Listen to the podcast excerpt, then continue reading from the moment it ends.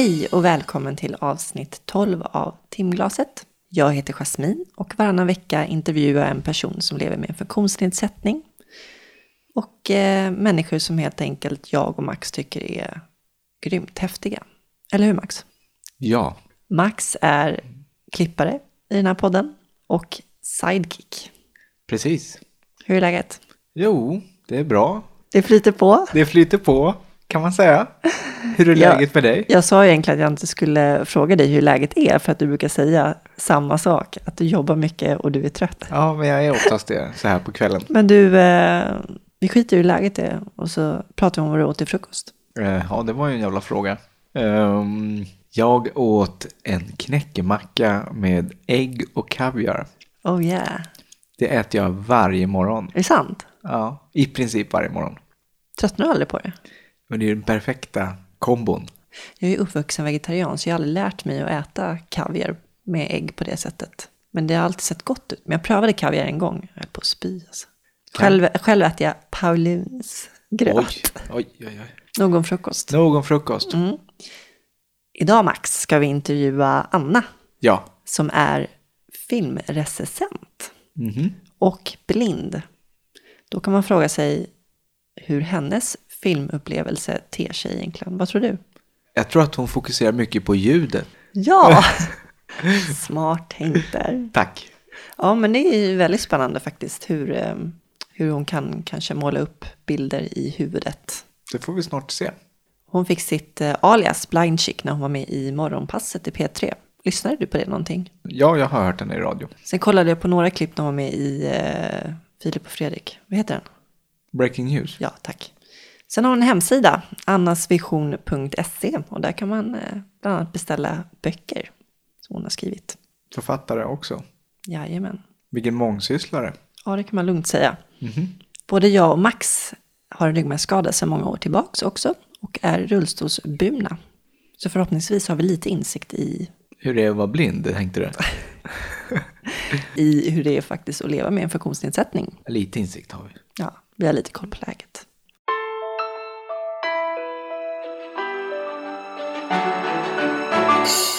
Avsnittet presenteras i samarbete med Atlas Assistans som erbjuder skräddarsydd assistans för just dig.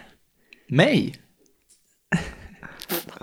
Och vdn, Stefan, han är avsnitt sju i timglaset som ni kan lyssna på via hemsidan eller iTunes. Det är bara in och lyssna. Han är jätterolig. Ja.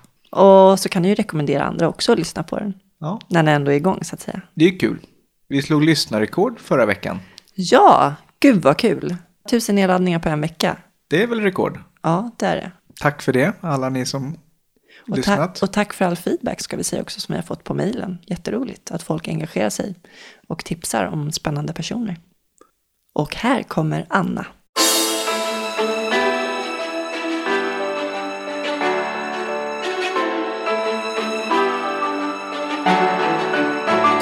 Välkommen till timglaset Anna. Tack. Hur Ja. är läget? Det är bra. Det är jättebra. Vad har du gjort idag? I, idag har jag haft en eh, ganska upptagen dag. Jättekul. Jag har varit moderator i Huddinge kommun.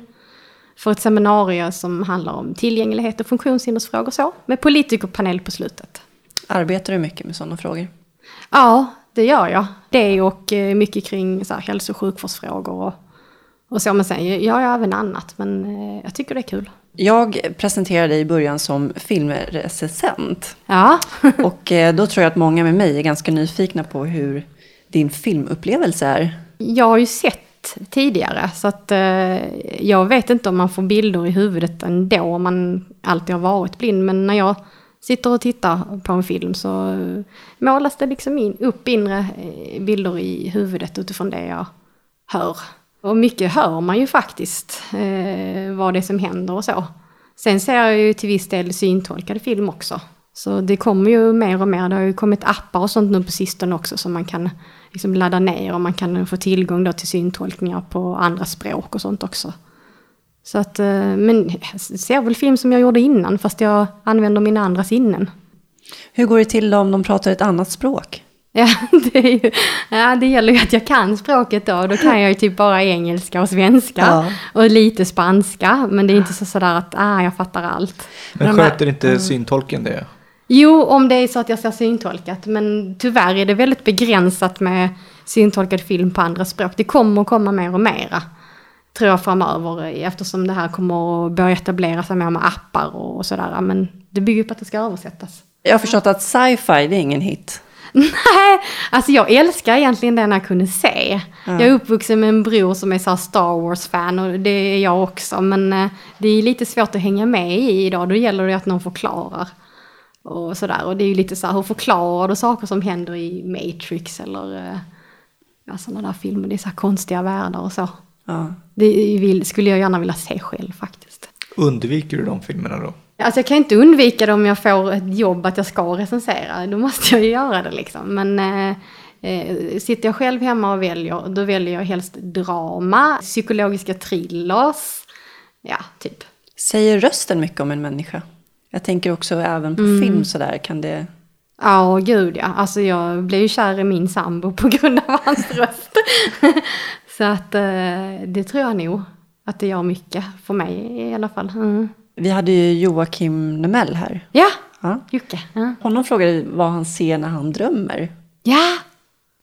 Han tänker väl mer dimensioner har jag uppfattat det som. Mm. Liksom. Ja, Jag får ju bilder i mitt huvud.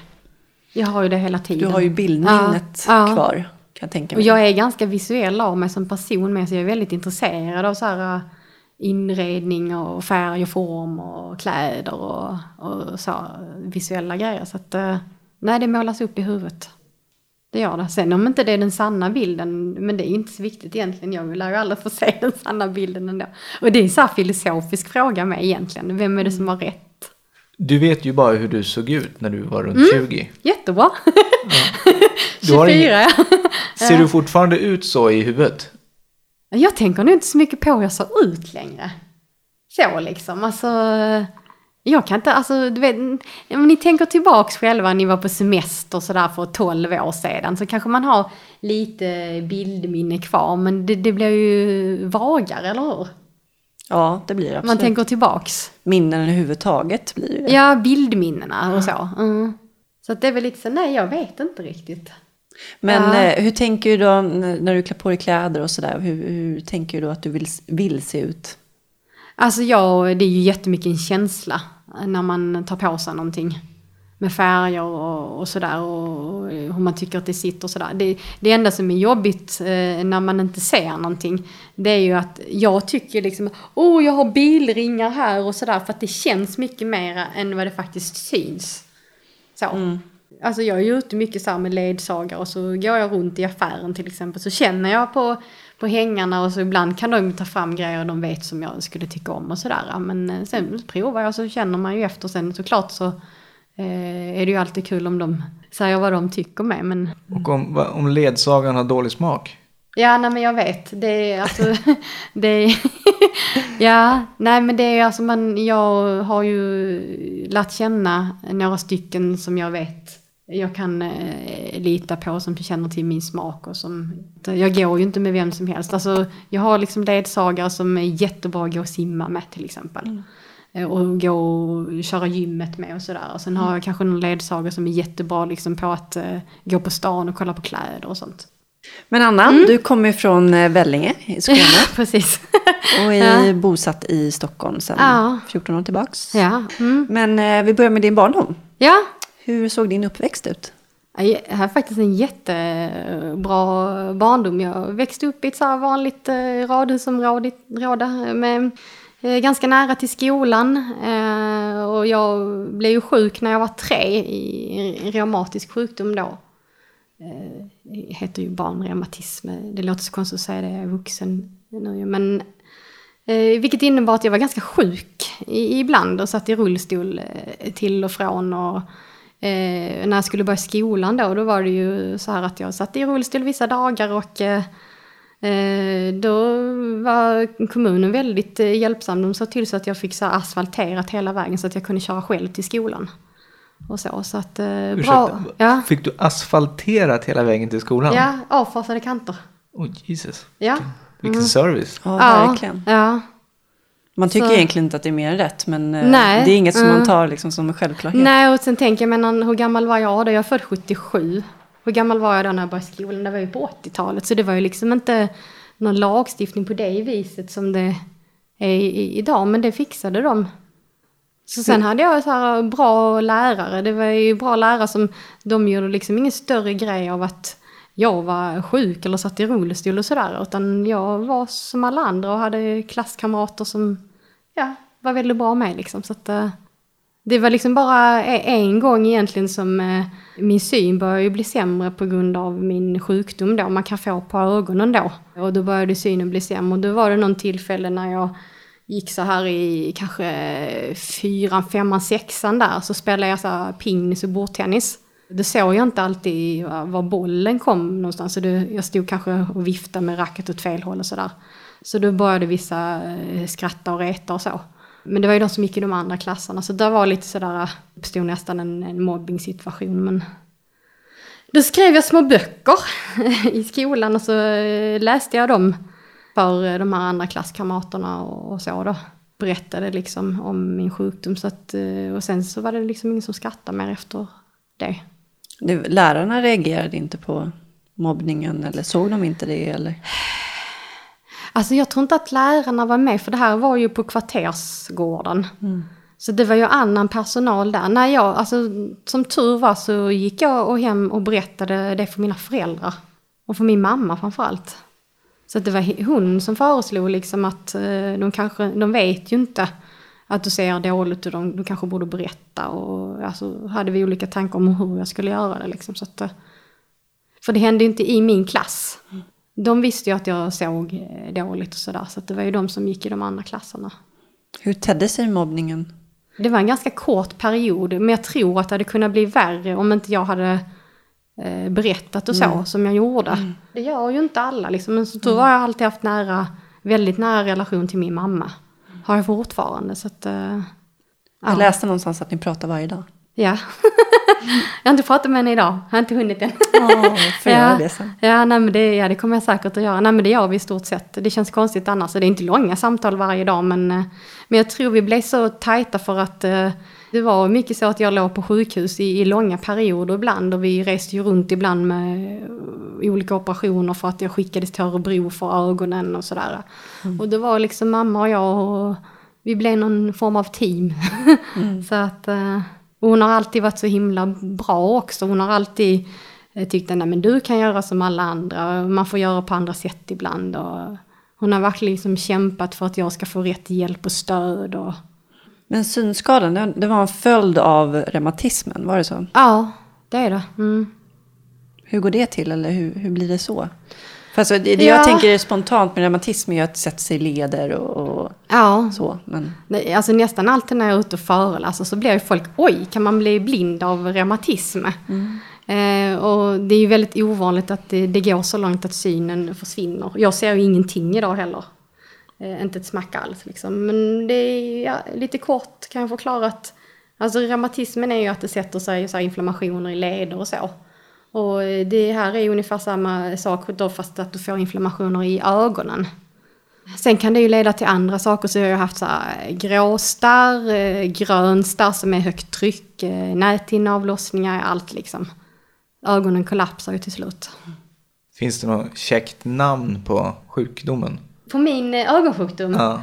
Ja, det är väl, eh, nu kan jag inte de latinska termerna, men regnbågshinneinflammation är väl liksom eh, grundgrejen tror jag. Jag vet inte riktigt. Eh, iriter i ögonen är ju också inflammationer liksom så. Mm. Men har, har du någon, förutom det uppenbara, har Ja. du någon men av det mer idag? Av min reumatism? Ja. Ja, gud ja. Alltså, eh, alltså, det, det, alltså jag, jag ligger ju vissa dagar och är väldigt trött. Alltså, det stora problemet är ju att jag är, är trött och inte riktigt orkar som andra. Sen eh, har jag ju, peppa peppa, ja, alltså inte liksom inflammationerna på samma sätt som jag hade när jag var liten. Jag har ju inte suttit i rullstol och så på länge och får ju väldigt sällan eh, injektioner i knä och så här med kortison och så. Det var ju ständigt och jämt så när jag var liten. Jag jobbar ju halvtid och jag, alltså om vi säger som så, många tror att åh vad jobbigt för Anna som inte ser någonting. Men jag skulle mycket mer säga att eh, det som är jobbigt i mitt liv, det är min sjukdom. Och det syns ju inte. Alltså, tittar man på mig sådär, det är klart om man studerar knä och sånt, jag har ärr och sånt. Men jag det syns ju inte, jag har ju ingenting i mina fingrar och sådär. Men jag har ont i nacke och knä och ja, sånt ibland. Och jag är väldigt trött. Det verkar väldigt otympligt att inte se någonting och sitta i rullstol. Ah, Det måste ja, vara... Det, ja. Det, kan jag ja. inte ens fantisera om. Jag har en kompis som gör det. Och jag har varit ute och gått med honom själv på stan. Ja, men herregud. Hur gick det till egentligen? Han är en evigt jävel.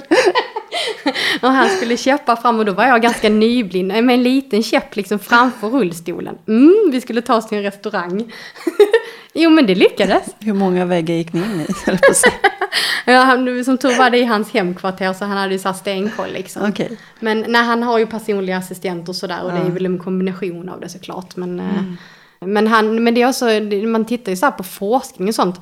Jag hade ju förmodligen inte blivit blind om jag hade varit så här kanske 10 år yngre. Han är ju så här 10-15 år äldre än mig, han är blind och sitter i rullstol. Mm. Så att eh, det händer ju hela tiden med mediciner och forskning och sådär. Så att, eh, Säger, Ja. säger man att man är nyblind? jag gör det. ja, Men det är ju ja, ganska logiskt, ja. för vi ser ju nyskadad. Ja, ni gör det ja. Ja, de första tre åren räknas man väl som Mm. Ja, nyskadad. Ja, ja, jag är ju inte nyblind heller längre. Nej. Men jag kan ju säga då när jag var nyblind, ja. Uh. Men hur så, innan du mm, blev nyblind, eh, hur såg du då? För att det var väl successivt? Jo, det var det väl. Men eh, sista halvåret så var det verkligen, eh, jag märkte skillnad från, från dag till dag. Och liksom världen verkligen raderades ut så, suddigare och suddigare. Så att, men dessförinnan så såg jag ju, eh, det är så här jättesvårt att förklara det, men på mitt högra öga så såg jag typ 20-30 procent. Och det är ganska bra i, i, i mina mått. så. Sen såg jag inget på mitt vänstra öga, den synen hade försvunnit sen tidigare. Så, ja. Minns du vad det sista du såg var? Ja, det är en klassisk fråga. Ja, den, ja, nej, men bland de sista sakerna jag såg, för jag, det här hände ju på sommaren för 12 år sedan när liksom de sista synresterna började försvinna. Eh, Så att, eh, och jag var ju på sjukhuset då här i Stockholm på Sankt Erik. Och då skulle de göra någon sån här lasergrej, det var så här vaket tillstånd. Och då hade jag med min pappa. Han var på besök då. Så att han var väl en av de sista människorna jag såg. Och då menar jag såg liksom honom att jag kunde se här är pappas huvud och ansikte och kropp och sådär.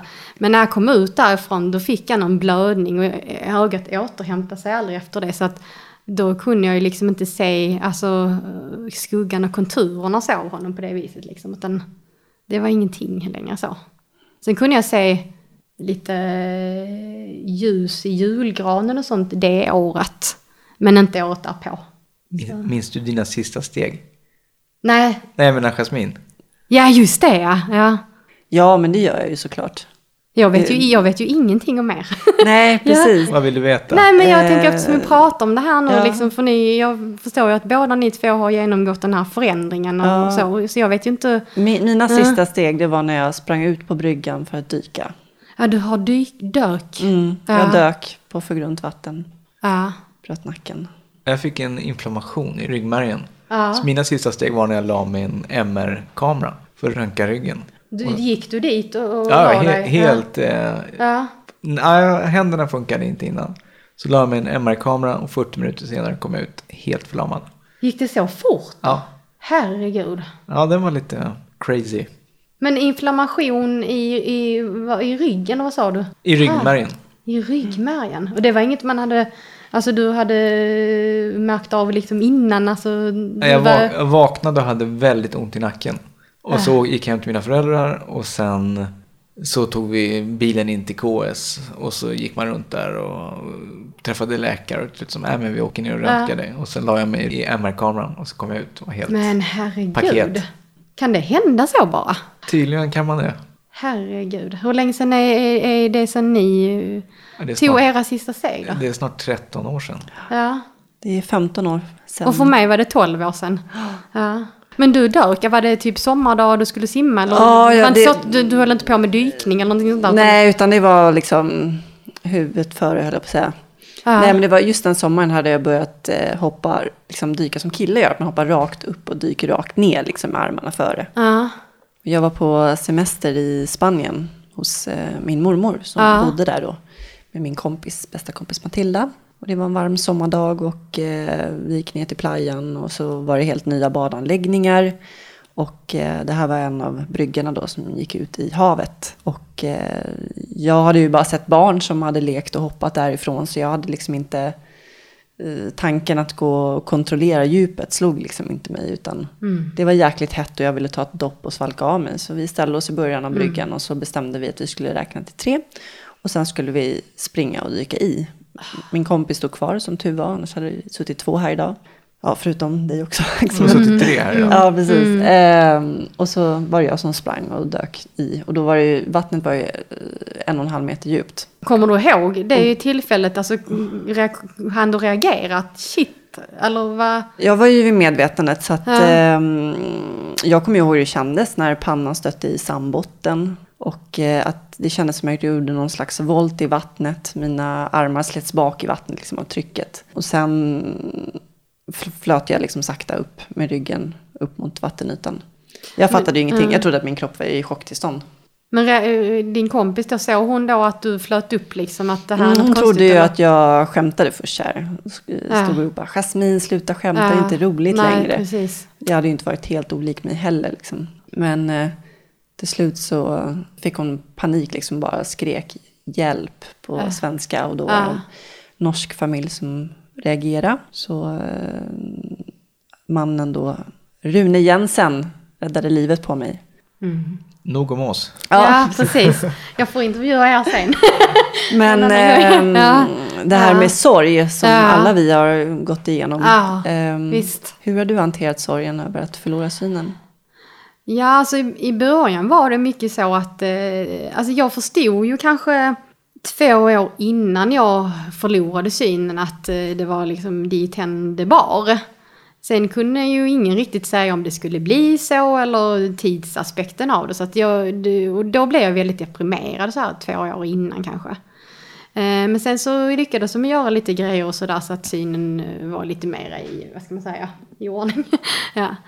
Eh, Och sen flyttade jag upp till Stockholm. Eh, Och sen när jag blev blind, då hade jag liksom så fullt upp med att så här få, få vardagen att fungera igen. Alltså lära mig punktskrift och gå med vitt käpp och, och jag hade liksom massa planer på vad jag ville göra. Jag började plugga journalistik. Eh, kommer det här ordet nyblind igen? Och jag var ju nyblind då och sådär. Så att jag hade liksom, som tur var så hade jag en oerhörd livslust ändå. Men sen kom det ju ikapp mig och det gör det ju tror jag. Eh, man kan ju liksom inte bara eh, gå på och det gjorde jag väl ganska länge liksom. Och det var nog inte förrän nästan sju år efteråt nästan egentligen som, eh, som jag bara kände, nej jag orkar ingenting längre. Jag sjukskrev mig och tänkte jag kommer aldrig orka jobba igen. Och, och jag bara kände att helt plötsligt då liksom hade jag tid att stanna upp. Eh, Och jag, det var liksom ganska kort efter att jag hade träffat min sambo. Han hade flyttat till Sverige. Och det var precis som att nu har jag eh, lite lugn och ro i mitt liv. Jag var färdig med min utbildning, jag hade jobbat ett tag. Och jag hade rehabiliterat mig och så. Känner ni igen det eller hur, hur, reagerar, hur Ja, reagerar ni? jo, men alltså, det är klart, ja. det är, alltså, man hamnar ju på spädbarnsnivå. Liksom. Man börjar om från början Ja, helt. ja. Med hjälpmedel och fungera i vardagen och kunna klara sig själv och hela den där biten. Så att det är nog ganska Mm. likt så. Men jag tänkte, du, hade, du träffade din sambo. ja. Hur gick det till? jag säga? Ja, den sommaren där när jag eh, förlorade synen, då hade jag ju några kompisar från Skåne plus några kompisar härifrån då som vi möttes i ett hus i Spanien då. Och det var så här sista gången jag såg liksom de, mina kompisar från Skåne. Det var första gången de såg mig med vit käpp. Vi åkte ju då till Kuba, Eh, ett gäng då, vi var fyra stycken. En av de sista kvällarna innan vi skulle åka hem så, så stod jag och eh, min ena kompis Martina i hotellbaren. Och eh, då kom Martin fram från Kanada då, var han. Och började prata sådär. Och jag tyckte med en gång att han verkade jättetrevlig. Han hade så här väldigt charmig röst och verkade väldigt glad och så. Sen skulle han åka hem till Kanada dagen efter. Och, så vi bytte så här e-postadresser och kontaktuppgifter. Och sen eh, när vi kom tillbaks till våra olika länder, när jag kom hem till Sverige, då hade han redan skickat ett mail till mig. Så att sen var det vi chattade och pratade och ja, gud, det var det enda jag höll på med just då. Jag träffade honom 2006. Så då hade jag ju varit blind i fyra år. Sen kom han till Sverige. Och det kändes ju redan som att vi kände nästan varandra för vi hade ju pratat så mycket i telefon och på chatten och sådana där grejer. Så det kändes ganska så här rätt eh, från början. Hade han någon erfarenhet sedan tidigare av Nej. blinda personer? Nej men jag bara frågar honom, alltså, hur, hur, tänkte du liksom? Alltså, ah, men jag, när jag såg att vi var ju fyra tjejer och vi är ganska så här, men du vet, fyra tjejer man blir ju flamsiga på en semester liksom, pratar och har roligt och sådär. Så att då såg han ju där att jag hade ju vit käpp och tänkte här, och han tyckte du var ju nästan den som var gladast av alla. Så att det väckte ju lite hans nyfikenhet. Sen, sen vågade han ju gå fram då när vi stod där i baren. Det var han som stötte på dig? Liksom. Ja, ja, precis. ja.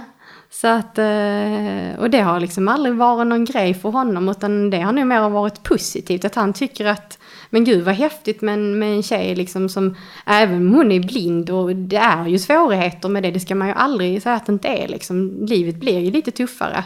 Så har jag gjort och gör saker ändå mycket mer än vad han då tycker att en del seende gör. Vad säger man till sin familj? Jag har träffat en blind tjej i Sverige, jag drar. ja men det var så här för att hans, alltså det roliga var att eh, hans föräldrar är ju väldigt öppna. Det, det, har liksom inte varit någon grej så eh, med det. Men däremot så vet jag att vi skulle åka och hälsa på hans släktingar i, i Tjeckien. Och de bor ute på landet och är ju äldre och alltså det är ju ganska Ja, men du ser ju inga direkt blinda kanske där ute på landet och det är lite annan kultur och man tänker och sådär. Eh, så då var det lite nervöst när vi skulle åka dit och hälsa på först och hur de skulle berätta det och så. När vi hälsade på mormor och farmor och så. Men det gick jättebra. Det borde inte vara om man träffar dig. Nej, ja. jag vet inte. Ja. Mm. Jag läste någon av dina intressen, det var salsa. Ja. Är det att dansa salsa? Eller ja, precis. Mm. Ja, det är det. Tyvärr blir det alldeles för lite, men det var ju därför vi åkte till Kuba bland annat. Såklart. Eh, jag och mina tjejkompisar, det var jag som drog med dem dit för jag har ju, bodde i Spanien för länge, länge sedan.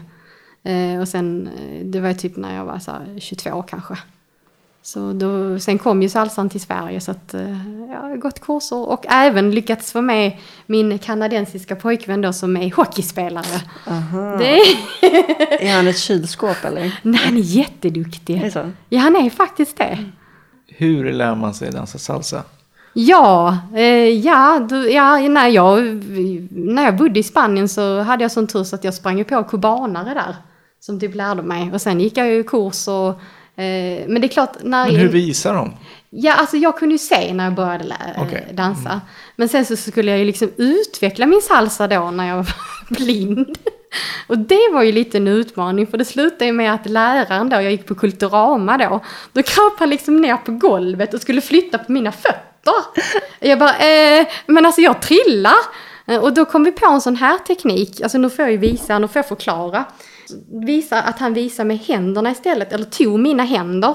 Och så får det vara liksom fötterna, så han kunde liksom visa, alltså hur jag skulle gå och sådär. Och sen, men det handlar ju väldigt mycket om, som tur är jag tjej, så att det är killen som leder. Eh, och eh, ja, jag kan säga det att eh, de har lite roligt ibland när jag är iväg och dansar och jag går kurser och sånt. För att är killarna bra på att leda, de är duktiga, då dansar jag bra. Är de inte det så kan inte jag dansa så bra. Mm. Så det är så testet liksom. Mm. ja. Vad hade du för barndomsdrömmar? Författare. Jag skrev jättemycket och har alltid läst mycket och så. Så det var en naturlig väg att gå sen att utbilda ja. sig till journalist? Ja. Och nu får jag ju titulera mig författare med för jag har skrivit mm. två böcker. Mm. Vad, vad var det som inspirerade till att skriva barnböcker? Alltså det har nog alltid skrivit på det temat. Kommer ni hem till mig så kommer ni se i mitt kontor, då har jag så här eh, figurer överallt. Det är alltifrån så här Barbapapa till eh, mycket Astrid Lindgren. För jag läste väldigt mycket och, och så när jag låg på sjukhuset och eh, skrev även. Och det är en sån där grej, det har jag alltid kunnat göra. Oavsett om jag har varit dålig i lederna, suttit i rullstol eller om synen har varit dålig. så har jag liksom alltid kunnat tillgodogöra mig läsandet eller skriva på något sätt. Och barn då, jag vet inte, det, jag tror att det var för att de där böckerna var så viktiga för mig när jag låg på sjukhuset. Så jag känner väl att jag skulle vilja ge det till andra barn kanske. Ja. Vad, vad har du fått för respons på böckerna? De som har fått tag på boken och känner till den och som har läst den, alltså, de tycker ju jättemycket om Trubbel då. är ju nog den som jag har fått liksom, bäst respons på. Eh, en del som har mejlat och hört av sig och undrar när kommer nästa bok och sådär. Det handlar ju om en ledarhund. Ja. Det, kan det är ju också viktigt. Alltså, jag menar, det är ju med barn när man börjar så att säga. Ja. Att eh, öka kunskapen. Och, Mm. Så att man på något sätt inte gör att det är så konstigt att vara blind kanske. Nej, den, den idén fick jag ju efter att jag hade fått min ledarhund. Och jag menar, barn är ju så härliga. Det, de, de är så raka med frågor och så. De undrar och de pekar och sådär. Varför har han på sig en sån där? Vad gör den där hunden? Och, och så. Så att, eh, då tänkte jag, här, men det kanske man skulle skriva om. Men sen är det ju, alltså det är ju sådär när man är ganska okänd, jag är ingen etablerad författare och sådär. Det är svårt att få något genomslag, det är så oerhört tuff bransch. Så att det handlar ju om att eh, kunna nå ut med sin bok med. Men när folk har läst den och sånt så gillar de ju den. Och nu håller vi ju på också att försöka göra film av boken. Så det är ju Okej. jättespännande. Och då kanske man når ut ännu mer och även till andra som inte läser böcker. Så. Absolut. Mm. Tar det längre tid att skriva för dig? Än eh, när jag var seende. Ja. Nej, jag är snabbare idag. Men var, har du ett vanligt tangentbord? Ja, då jag satt in i det sista, ner liksom med eh, ögonen i, ja, i tangentbordet och sådär. Och när man inte ser någonting alls, då kan du inte det. Då får man lära sig kortkommandon och allting sånt. Jag är jättesnabb på datorer idag. Coolt. Men jag tänkte på det. Mm. när du kom in här eh, i Max lägenhet. Mm. Så sa du, oj vad stort det är. Ja, ja. Va, va, hur får du en känsla av... men det får ni med. Jag tror bara det att eh, ni tittar. Så att, eh, jag menar, skulle ni gå in eh, i ett rum och blunda så hade ni också känt om det var stort eller litet. Det är så här ljudet studsar och... Tog det tid att, att lära sig det? Eller utveckla det, det sinnet? Liksom? Eh, Ja, nej det, det går nog ganska fort. Vad saknar du mest? Friheten och bara gå ut och gå på stan och titta i affärer och när jag vill och inte behöver ha någon ledsagning och sådär och, och resa någonstans, eh, bara jag. Hur är samhället anpassat till en person som är blind? Ja, om vi tar det här med ledarhund eh, så är ju det jättetråkigt att eh, många ställen säger nej till att man får gå Men in. får de säga nej? Ja, för det är ju den här fina lagen vi har i Sverige då. Vi har ju ingen diskrimineringslagstiftning som förbjuder det. Och det kommer inte ens att komma in i lagen nu när vi får den här om otillgänglighet i, i början av nästa år. Det är liksom inte inskrivet när det gäller ledarhundar. Det, lagen ser ut som så att, som typ restaurangägare, så får du säga ja till en ledarhund för det är ju liksom ett hjälpmedel. Men du får också säga nej. Ja. Ja, men det är ungefär som man skulle säga, ni får inte komma in med rullstol. Ja liksom. men då har jag sagt det som ett exempel ibland för då har de sagt att ah, du kan väl lämna hunden utanför. Så, så brukar du säga det till en person som kommer i rullstol, kan du lämna rullstolen utanför? Hur ser din familj ut? Jag eh, har en storbror och en mamma och en pappa som är skilda idag. Men det var de inte då, de skilde sig när jag var 19. Så att, eh, ja, eh, alla bor kvar i Skåne. Din storebror, hur hanterade han din sjukdom? Ja, det är ju alltid sådär för att det var ju mycket fokus på mig. Jag var ju mycket på sjukhus och jag var ju mycket sjuk och sådär. Och han säger idag att han inte känner att han har varit åsidosatt och så. Men, eh, och jag vet att mamma och de försökte ju liksom tänka på eh, att eh, han inte skulle glömmas bort och sådär. Men, men det var faktiskt väldigt bra med mig för det var en period när jag var ganska sjuk. Jag var mycket på sjukhus. Eh, och jag, så kom jag ju hem från sjukhuset eh, till min bror då som inte hade träffat mig. Eh, mer än kanske varit på besök. Och då hade jag så här presenter med mig för folk hade ju varit och hälsat på. Och då tyckte han ju att här, hon får presenter hela tiden, det måste ju vara jättekul att ligga på sjukhus. Så det blev ju lite konstigt där. Och då sa faktiskt min läkare till min mamma att men nästa gång Anna ska ligga inne på sjukhuset så ta med brorsan så får han också vara med. Och eh, då skulle jag få någon massa sprutor och grejer i hela kroppen tror jag, så de sövde mig. Och efter det så kom jag tillbaks då till eh, den här salen som jag låg på, då var ju brorsan där och jag hade ju jätteont och sådär. Eh, och då skulle jag få ta något ur den här tröstlådan. som jag vet inte om det finns längre, men och då var jag ju sådär, men... eh, Tröstlådan. Ja, Verkligen. Ja. då skulle jag ge det till honom då tydligen. Alltså hade jag fått för mig. Och då, då förstod ju han, han såg ju liksom då med egna ögon att oj, det, det är nog inte så himla kul att ligga här fast att man får presenter. Hur många år äldre är han? Två år. Det är ju såklart, alla i familjen blir ju påverkade på ett eller annat sätt. Ja, och jag menar alltså han... Eh, jag vet något år efter att jag förlorade synen, då ringde han mig. Eh, så sa han det, åh jag cyklade till jobbet idag, så så bara liksom satt jag där och tänkte, tänkte att du ser inget längre, du kan liksom inte cykla och så här bara. Alltså ja, det är klart att det påverkar, men han, är- han är en av de bästa kan jag säga som är att visa, så här, de har hållit på att bygga om i sin lägenhet och fixa sånt där. Då går han runt och så tar han med min hand och visar liksom, så här har vi satt upp här. Och, ja, jag blir så rörd när jag tänker på det liksom. Alltså, det är den längsta relationen man har ju i sitt liv med sina syskon, om ingenting händer så att säga. Har ni syskon? Jajamän. Jajamän. Ja. Jag, jag är sladdis. Du är sladdis, ja. Så De är 14 och 10 år äldre än mig. Ja, ja det, det måste ju ha varit en omställning då när din olycka hände. Ja, det kan man lugnt säga. Ja, Såklart. Det är ju, hela familjen drabbas ju liksom. Och det är ju jättedåligt anhörigstöd så att... mm. Obefintligt nästan Ja. till och med. Nej, jag kan inte komma ihåg att eh, någon, någon gång har blivit erbjuden det. Nej. Jag har inte ens själv blivit erbjuden det. En gång har de erbjudit mig att prata med någon och det var när jag eh, fick en protes på mitt ena öga. Det var lite akut, det hände. Det var första gången de kom in och sa att eh, vill du prata med någon typ psykolog eller något? By the way. Liksom. Ja, Men och då- har, du, har du protes nu? Där. Ja, det syns ju verkligen Jo inte. men titta. Om du tittar så det ögat är mycket finare protesen än det. Ja, jo. Ja, men det det... där är ganska så, ser du? Där. Ja, jag ser. Det är ganska så här igengrutt, det är massa kalk. Och... En grott är Jo, det men- lite. Det var någon som sa, det ser nästan ut lite som min skräckfilm. Nej men. tycker jag verkligen inte. Ja, nej men det är en protes. Och det, är så här, det, var, det, det, det hände lite olyckligt fort för jag var på semesterresa i Grekland och blev skadad i ögat för jag låg på stranden utan solglasögon. Så det hände nej. ganska akut, ja. Ja, så att och då erbjöd de mig, för då, sa- då sa de så här, ja och jag bara, här men jag har aldrig blivit erbjuden hjälp innan, då var jag 23 kanske. Jag har varit sjuk sedan jag var tre. Det fanns ju Det kurator och så. galet. Men jag bara, ha men ni har aldrig frågat innan. Ja men vi brukar alltid fråga när man får en protes. men du, hur funkar eh, en ögonprotes då? Liksom? Vad, tar du ur den ibland? Eller? Eh, väldigt sällan.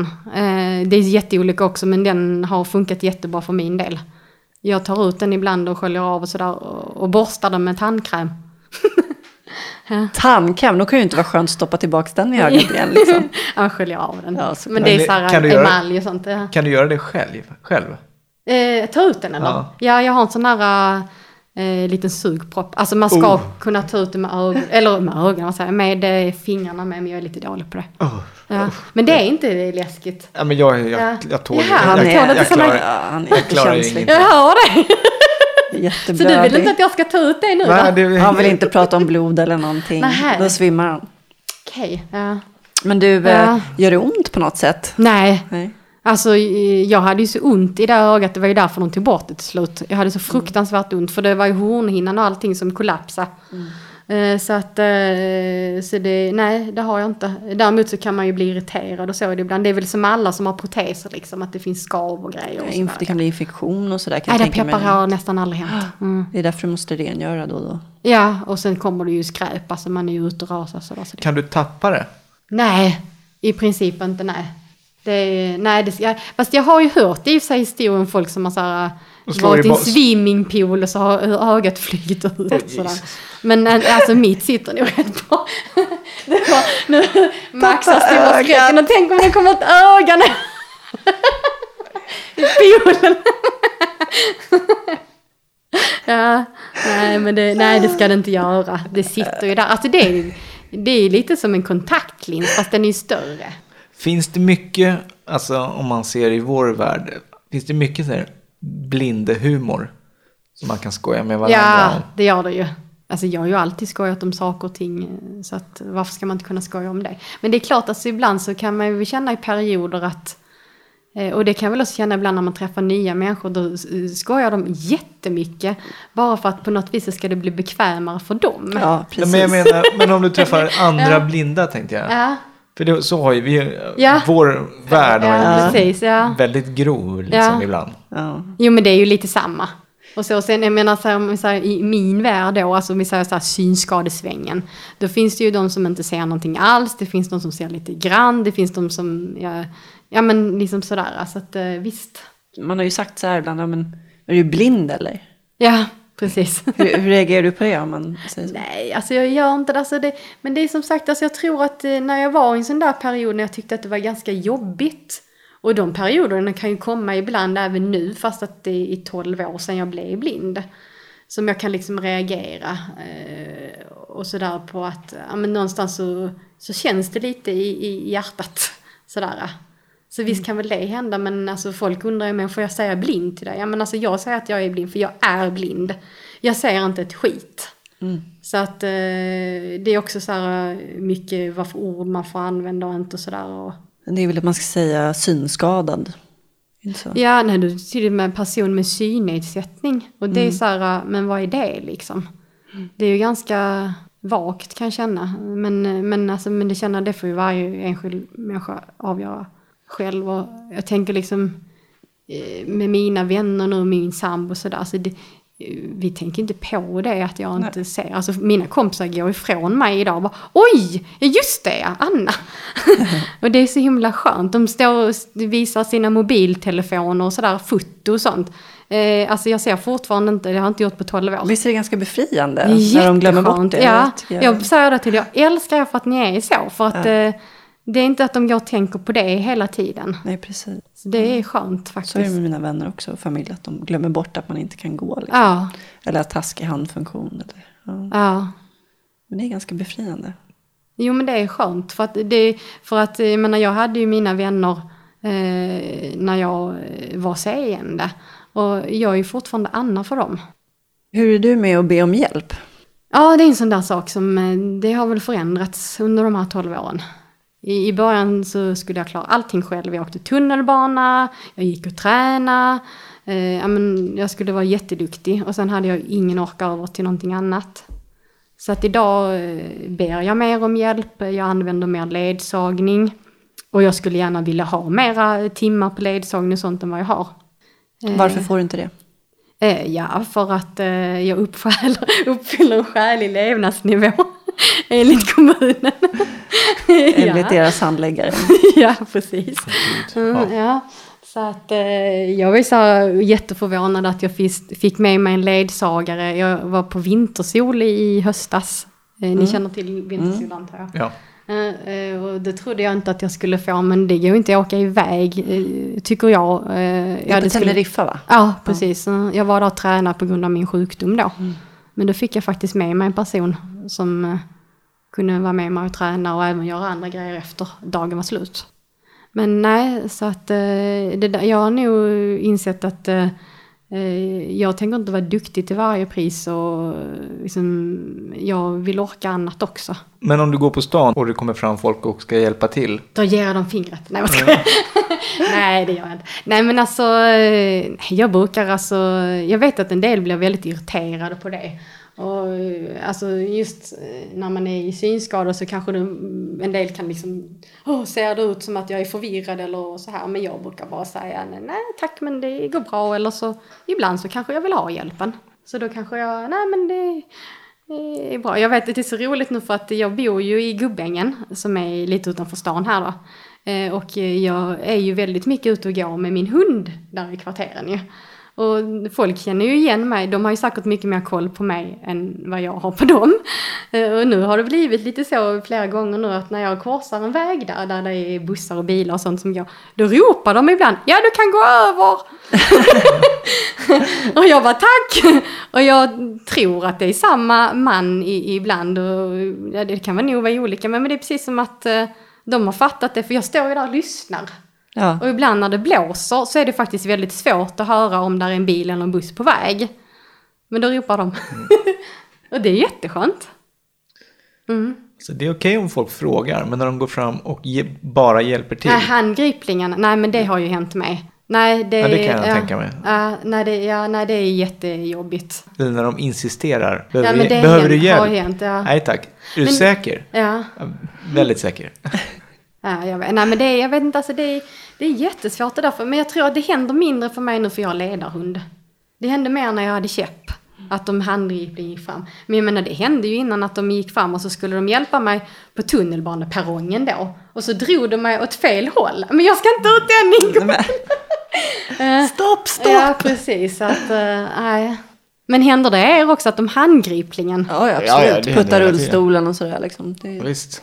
Blir vans- jag blir fråga. helt vansinnig. Ja, nej, men det är jätteirriterande. För att jag menar, det är en sak att sådär, äh, behöver du hjälp? Men, men fast jag kan ändå tänka sådär, jag, i, i mitt huvud så skulle jag nog mer tänka att jag kanske skulle fråga någon som är synskadad om eh, hjälp. Alltså just för att det kan ju se sådär när man rör sig någonstans och så. Ja, det är klart om inte där är trappsteg och grejer så. Jag vet inte. Jag, men jag förstår ibland inte hur folk tänker. nej. Men det är också när man håller på att stänga en dörr eller plocka upp något. Mm. Då tänker de att det går snabbare om de Ja, springer fram och... ja men precis. Gör det liksom, istället. Går det bra då? Ja, om man inte har så jävla bråttom så går det bra liksom. Precis, ja. Det handlar ju mycket om tålamod också. Ja, det, det får man ju ha ibland tyvärr. Och det, Ja. du är ju utbildad eh, inom stand-up comedy också. Ja, alltså... Det, hur mycket har du pluggat egentligen? Ja, det undrar jag också. Ja, men jag, alltså det, jag har gått en kurs i det. Det är inte så, jag, liksom, ja, utbildning, jo jag har gått en vecka och lite och hållit på med det och sådär. Eh, så att, eh, och sen har jag... Mm, Det var ingen kandidat alltså? Nej, det har man ju inte i stand-up. så, nej, men jag höll på med det ett tag för att eh, det var lite folk som tjatade på mig. För jag jobbar mycket med humor i mina föreläsningar och sådär. Så att det var några killar som tyckte att nu måste prova det. Så gjorde jag det. Äh, jag vet inte, det var väl inte riktigt min eh, grej. Men jag gillar att jobba med humor. Men kanske inte i stand-up-formatet. Bokformat kanske. Ja, det är hellre, och man kan ju vara på scen men det finns ju andra format. Och jag kanske hellre skulle vilja skriva manus åt andra än att jag själv står där. Och, ja, det är kul att prova olika saker. Man lär sig ju alltid någonting av det. Har du gjort det någon gång? Vad för någonting? Stå uppat. Ja, gud ja. Jag höll ju på med det ett tag. Alltså. Det är så? Ja, ja. Jag eh, uppträdde på Big Ben och var på klubbar och eh, till och med haft ett eller två betaljobb. ja. Coolt. Var, det, var det många blindskämt? ja, men det var det ju. Och Det var ju så här, det fick jag ju liksom lära mig då när jag eh, gick den där kursen. Att går du upp på en scen och du kanske har en rullstol eller om du har ett jättestort afrohår eller om du liksom sticker ut på något sätt. Och det gör man ju med en vit käpp. Då måste man liksom skämta om det till att börja med. Elefanten i rummet. Ja, precis. Så att, eh, och det var väl lite det jag kände också för att jag, då skämtade jag ju, då la jag upp det som att jag skämtade om, som att jag alltid hade varit blind. Och det hamnade så fel i den rollen när jag stod där på scen. För det känns som att skulle jag göra det idag, stand-up, så skulle jag ju nu mer skämta om eh, nu och då. För det är ganska roligt ibland hur folk behandlar mig idag jämfört med när jag kunde se. Det är så dumt ibland. Men det är ju de som håller på med stand-up, de säger att ja, det var för kort tid du höll på och det tar tid att hitta sin roll och vem man är på scen och, och sådär. Men jag valde att satsa mer på skrivandet istället. Så får vi se om det, det blir något mer av, av det igen. Det tycker Så. jag. Har du sett mina dåliga skämt? Nej, jag har faktiskt inte gjort det. Nej, Nej jag, Jag måste inte. kolla upp Nej, det jag där, vet alltså. inte. Jag, lite sådär, jag vet inte. Det, men det som, men jag, det jag skulle också gärna vilja... Det blir ju sådär att åh, då får man är blind och ska man skämta om blindgrejer. Men eh, jag, jag vet, jag träffade hon Marika, Marika Karlsson. Ja, precis. Eh, Hon är ju svart. Eller afro, afro, eh, afroamerikan eller vad, vad man brukar säga, jag kommer inte ihåg. Afrosvensk. Afrosvensk, tack. Ja.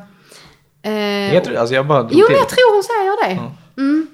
Det är någonting sånt. Jag, men, Det låter men som logiskt. sagt, ja. eh, Och hon sa ju det att eh, hon var ju liksom tvungen att göra det också i början och skämta om allt det. Och det gör hon väl fortfarande till viss del. Men hon har ju hållit på i så många år nu. Så hon kan ju skämt, skämta om allt annat med om liksom politik som inte har med det att göra och så vidare. Så att, ja, Mm, man har väl sin repertoar också. ja, Så utvecklas man från det. ja. Tv och radio, hur kom du in på det? Alltså jag är ju journalistutbildad. Eh, så att... Eh, gjorde praktik på, i CP Magasin? Ja, precis. Så det gjorde jag i... Jag såg en annons när jag eh, höll på att utbilda mig till eh, journalist. Där de sökte just en blind journaliststuderande. Ja, som kunde tänka sig jobba med, med humor, satir och funktionshindersfrågor. Det var, inte, det var inte jättemånga som stämde in på den beskrivningen. Så att då hamnade jag där och eh, när jag var på tv då i Göteborg var det här programmet. Då sprang jag ner till radion så mycket jag kunde och fick kontakter där med olika folk. Och sen så började jag frilansa lite till Kaliber som var nystartat då. Så här granskningsprogram. Och sen eh, blev det Utbildningsradion. Efter det. Och så var du väl med i Christer ett par gånger, eller hur? Ja, och eh, framförallt i morgonpasset i P3. Där jag var en gång i veckan och, pratade mycket om saker och ting utifrån mitt perspektiv. Men det är ju 2008 så det är ju ett, år, ett, ett tag sedan nu. Faktiskt. Mm. Så att, eh, Och Breaking News med Filip Ja, det var ju förra året. Det har gått ett helt år nu. Ja, precis. Ja, det var ju galet. Det måste vara kul. Ja, men det var roligt. Men det var ju världens snabbaste puckar i, i det programmet. Mm, verkligen. ja, jag såg ett avsnitt Ja. där. Och, Nej men de, jag hoppas att det ska finnas möjlighet att jobba med dem igen. För jag sprang ju på dem, alltså något år innan Breaking News och var med i Boston Tea Party. Och jag märkte ju redan då att eh, de kan ju verka ganska galna i tv-rutan. Så. Men eh, de har verkligen ett djup de där grabbarna. Eh, och tänker ganska mycket på saker och ting och sådär. Hur saker och ting, varför de är som de är och, och sådär. Så att vi får se. Mm. har du någonsin eh, sökt ett jobb där de inte vet om att du är blind? Eller där... Alltså jag har ju kört eh, eget företag i stort sett, är tio år nu. Så att... Eh, Du har inte behövt det helt enkelt? Ja, det, nej precis. Det, det, det är lite annat när man kör eget företag. Sen har jag ju liksom jobbat och då har det ju liksom med mycket frågor som har med funktionsnedsättning att göra. Så i det fallet har det ju eh, varit en liksom, tillgång också många gånger i, i arbetsgivarnas ögon så att säga. Men ja, gud alltså, det är ju... Men jag vet ju också hur de har tänkt ibland inom tv och media och så. Jag har ju liksom fått gå en annan väg. Jag vet ju att jag inte hade fått vissa jobb och sådär för att det finns mycket fördomar. Så det är också därför mycket jag har valt att köra eget. När fick du beröm senast? Det fick jag idag faktiskt. Trevligt. När jag hade lett eh, politikerdebatten, för det var tio stycken i panelen. Och jag hade lite kritiska frågor och sådär och då, då sa de, ja du skulle sett deras miner när du liksom ställde lite så här ultimatum med frågorna och ja, du gjorde det jättebra. Så, det var väldigt roligt. Kul. Mm. Ja, för det måste ju ändå varit ett tufft uppdrag. Ja, med tio- Bolla mellan alla. Ja, det var det. Men, Hålla eh, fokus liksom. Ja. Vad gör dig lycklig och vad betyder lycka för dig? Hjälp vilken svår fråga. Den är ju så stor på något sätt. Mm. Ja men det är nog att eh, jag får omge mig med människor som ger mig energi, som jag blir glad av. Och få göra det jag trivs med att göra. Och eh, också att livet fungerar, för det är ju så att kommer inte färdtjänsten i tid så blir det ett, ja, sånt där eh, dålig stund eh, som kan gå ut över hela dagen och så. Så att det är ju skönt liksom när saker och ting eh, fungerar så att säga, när man har en funktionsnedsättning. Om du fick Det, ja, leva om ditt liv, vad skulle du göra då? ja, jag skulle nog göra samma saker ungefär tror jag. Alltså jag kanske ibland känner att jag skulle önska att jag var lite mer eh, modig när det gäller eh, kanske resa. Jag är, så här, jag är jättenojig för sjukdomar och så. Till exempel nu, vi pratade om att vi skulle åka i närheten av Afrika, där är ebola nu. Ja, precis. Det vågar inte jag. Ja, men det skulle jag nog också vara ganska nojig över Ja, tror jag. men jo, men jag kanske är lite överdriven ibland. Fråga min sambo. ja, så att, men jag vet inte, men det är klart, alltså, jag har ju legat så mycket på sjukhus också sedan jag var liten och har sett så mycket eh, jobbigheter och sådär så att eh, Ibland kan jag vara lite rädd av mig, fast jag gör ju saker ändå, men ibland kan jag väl önska att jag kanske var lite mer modig, jag vet inte. Svåra frågor. Nej men jag tänker på, alltså ibland för att jag tänker som min bror och jag då, han har alltid varit väldigt eh, visuell. Eh, håller på, har liksom hållit på med animation och design och sånt. Och jag har ju alltid varit den i familjen som har skrivit och läst och sådär. Så jag tänker ibland att ja, du har väl kanske tur ändå någonstans att det var jag som blev blind då. Så för att eh, som när du frågade om jag skulle gjort något annat i, i livet. Det finns ju smågrejer, man kanske skulle gjort annorlunda och sådär. Men jag, nej, jag tror nog att jag skulle göra det jag gör faktiskt. Mm. Vad skulle du vilja säga till en person som inte har någon som helst erfarenhet av en blind person? Att jag är som alla andra. Bara det att eh, jag har inte det här sinnet att eh, kunna se längre, men att jag ser med mina andra sinnen. Vad vill du ha för bemötande? Eh, jag vill inte bli behandlad på något annorlunda sätt. Så. Och det är ju ja, det är ju fortfarande tyvärr mycket så att folk tror att man inte kan göra saker och ting. Och det funkar inte när man inte ser. Och, och man får ju väldigt själv, mycket själv liksom bevisa och sådär att det går. Och, Jag tänkte på Ja. det när vi pratade om just det här med att få hjälp eller be om hjälp och mm. folk som gör utan att fråga. Vad ska man säga till dem? Alltså det är så himla individuellt det där. Uh, alltså jag själv har ju liksom inget emot om de frågar ibland. Men alltså det räcker ju att fråga en gång och de ska inte handgripligen ta tag i en. Det tror jag ingen människa vill. Så. Så jag menar sen tycker jag väl inte så att så fort de ser en människa som är blind så ska de springa fram och erbjuda sin hjälp. Det, jag menar jag brukar faktiskt fråga själv om det är så att jag känner att jag behöver hjälp. Det kan jag ju känna att jag behöver ibland och då har jag ju kanske, ja men där är en människa så säger jag ursäkta. Så. Lagar du mat själv? Min sambo lagar mest mat men det är för att jag tycker det är tråkigt. Men liksom, ja. steker du på en, en köttbit ibland? Eh, ja, ja det, det är ärligt mer han som gör det om jag ska vara ärlig. Rent praktiskt är det svårt liksom att få till det. Ja fast jag vet jättemånga synskadade som är superduktiga på att laga mat. Det finns ju en restaurang här på Söder. Som är... Ni får gå dit, har ni inte varit där? Nej, Nej. den heter... Svartklubben. Där de serverar i mörker. Men jag tror det är trappor in. Nej, Är det inte? nej. Nej. Jag har eh, kompisar som har varit där. Jag var där eh, själv med ett gäng i våras. Så att det är det inte. Men Alltså det där med att sitta i rullstol och inte se något, jag vet inte. Det, är, det, det känns jobbigt alltså. Alltså, det går väl... Tror- ja. Om man bara ska äta så är det väl inga problem. Jag kan ju inte ens känna mig fram, jag har fan ingen känsel i händerna ens. Liksom, så jag kan känna Ja. mig, jag har en vägg framför Men du mig. får, man får hjälp in där och sådär. Så att eh, där är ju folk som är servitörer och servitriser och sådär. Så. Man är helt lost. Ja, men Ja. Mm. om, man inte, om du inte kan känna glaset och du ska dricka, då blir det ju svårt. Ja. Känner du inte alls med dina händer? Jag har bara väldigt lite beröringskänsel i ena Ja. tummen och pekfingret. Ja, det är klart. För det, är- det är en sån där, alltså det, är, det har du verkligen en poäng i. För att mina händer, alltså. Mm. Jag är ju jätterädd om min känsel och min hörsel. Så att det kan jag förstå. Men ja, jag vet inte. Jag, jag vet ju inte hur mycket du känner och sådär. Men, men det är lite kul. Jag var där inne då så här kunde man sitta och sno folks vin och sånt. För det märkte de inte. Perfekt. Byta runt glasen och sådär. Jag menar det är ju min vanliga miljö. Ja, men precis. ja, Ja, men den där måste ju du vara... där, om du, där, där regerar du liksom. Ja, ja, ja. Oh ja. Ska vi sätta punkt där? Mm. Tack så mycket Anna för pratstunden. Tack.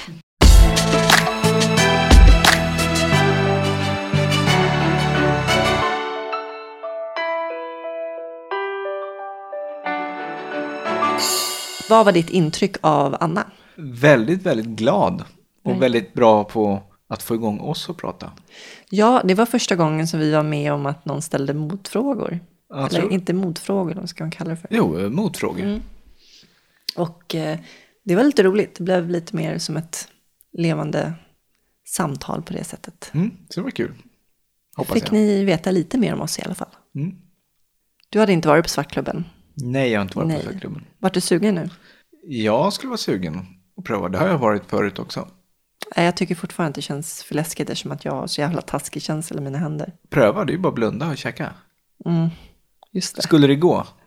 Nej, nej, jag måste se vad jag gör med mina händer. Men du, det där, eh, jag blev berörd när hon sa att eh, det var verkligen som att världen raderades ut på några dagar. Hur menar du då? Ja, men hon beskrev det så, när hon eh, successivt blev blind. Aha, För det vart ju inte på ett kick så att säga, utan det, som vissa andra. vart, det blev gradvis. Det låter lite jobbigt. Lite som dig kanske. Det vart ju också lite gradvis. Det hände ju väldigt snabbt ändå, men Eh, 40 minuter. ja, Det var väl ganska ja snabbt. pang på skulle jag säga. Fast det var ändå att du hann känna att någonting var på gång. Nej. Eller ja, det jag hade ju ont i nacken. Ja, precis. Men det är helt sjukt. Du åkte in i magnetröntgen och sen när du kom ut var du förlamad. Ja. Vad var dina första tankar då? Jag kommer ihåg att jag var likblek i ansiktet. Svettades jättemycket och de fick lyfta upp mig. Jag kunde inte resa mig själv. Och eh, ja, jag kommer ihåg att jag mådde väldigt, väldigt dåligt. Det är ju fruktansvärt. Men jag kommer ihåg hur armen la av inne i, Magnetröntgen. ja, hur jag låg och rörde på armarna plötsligt så liksom, Domnade bort. da, ja precis, la den av. Känslan var ju kvar, men jag, funktionen la av. Gud vad läskigt. Ja, det var, vad tänkte du själv? Jag tänkte ju, han tänka väldigt mycket när jag låg där i vattnet. Men att jag hade blivit förlamad, den tanken slog mig aldrig. Jag visste ju inte vad en ryggmärg var. Liksom. Så jag trodde ju bara att min, min kropp hade hamnat i något chocktillstånd. Det var bara tillfälligt. Och det måste jag också tänkt att det här är bara tillfälligt. Det blir Ja, bra absolut. snart. Fast jag hade någon magkänsla att det här inte var så bra. Jo men det har man ju. Fan, man kan ju inte ligga där och röra sig liksom. Ja, det var, i mitt fall, jag hade ju ingen känsel heller. Det var bara, var bara huvudet. Så att, eh, men man, man fattar ju att det här är, det här är inte bra. Så. Det här är inte okej. Vad skulle du göra om du blev blind nu då? Hur skulle du? Nej, vad fan, det är Ja, Då är det kört alltså. Vad är det för fråga? Nej, det vet jag inte. Ja, jo, det är klart det går. Det vet jag någon som har kommit fram till mig någon gång och sagt så här, som om jag skulle hamna i rullstol, alltså jag skulle nog... Jo, men det är många som tänker så. Då är det kört liksom. Då det Då, kört. då lever man inte längre. Och det hade jag nog också tänkt. Jag ville ju inte leva i början. Och hade jag fått den frågan innan, då hade jag nog sagt det också.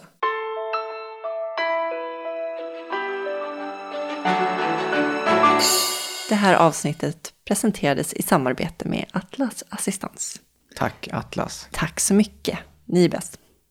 Ni kan lyssna på oss via vår hemsida, timglasetpodd.se. Där lägger vi upp också en vecka innan presentation av kommande avsnitt. Och vi finns såklart i sociala medier, Facebook, Instagram och Twitter. Hashtag timglasetpodd. Har Och, vi någonsin haft en tweet på Twitter om oss? ja, Har vi det? ja. Då missade jag den. Ni kan kontakta oss via kontakt timglasetpodd.se. Vi uppskattar er feedback. Hashtaggen är timglasetpodd. Det har ju redan sagt. Sa du det? Men Ja. du sa nog inte det. Jo, jag sa hashtag timglasetpodd. Okej då. Skit i det. I nästa avsnitt får ni träffa John. Han bor i en stuga uppe i skogen i Dalarna. Föddes i California. Och sitter i rullstol sedan 400 år. Eh, Hur lång tid är det egentligen? Hur länge har han suttit i stol nu? jättelänge. Han var ju typ han var 15 bast eller vad var han? Ja. Och han är alltså 415 år gammal. Typ. Ja. Fast han ser ju verkligen inte ut som det. Han ser Nej. bra ut. John är väldigt engagerad i rekryteringsgruppen Dalarna och eh, arbetar mycket med bland annat uppsökeri, träffa nyskadade personer för att ge dem stöd, tips, råd om hur man tar sig vidare i livet. Och eh, han är en riktig friluftsmänniska och har många spännande anekdoter att berätta. Tack för att ni har lyssnat. Tack för att ni lyssnade och ha det bra tills nästa gång. Hej då! Hej då!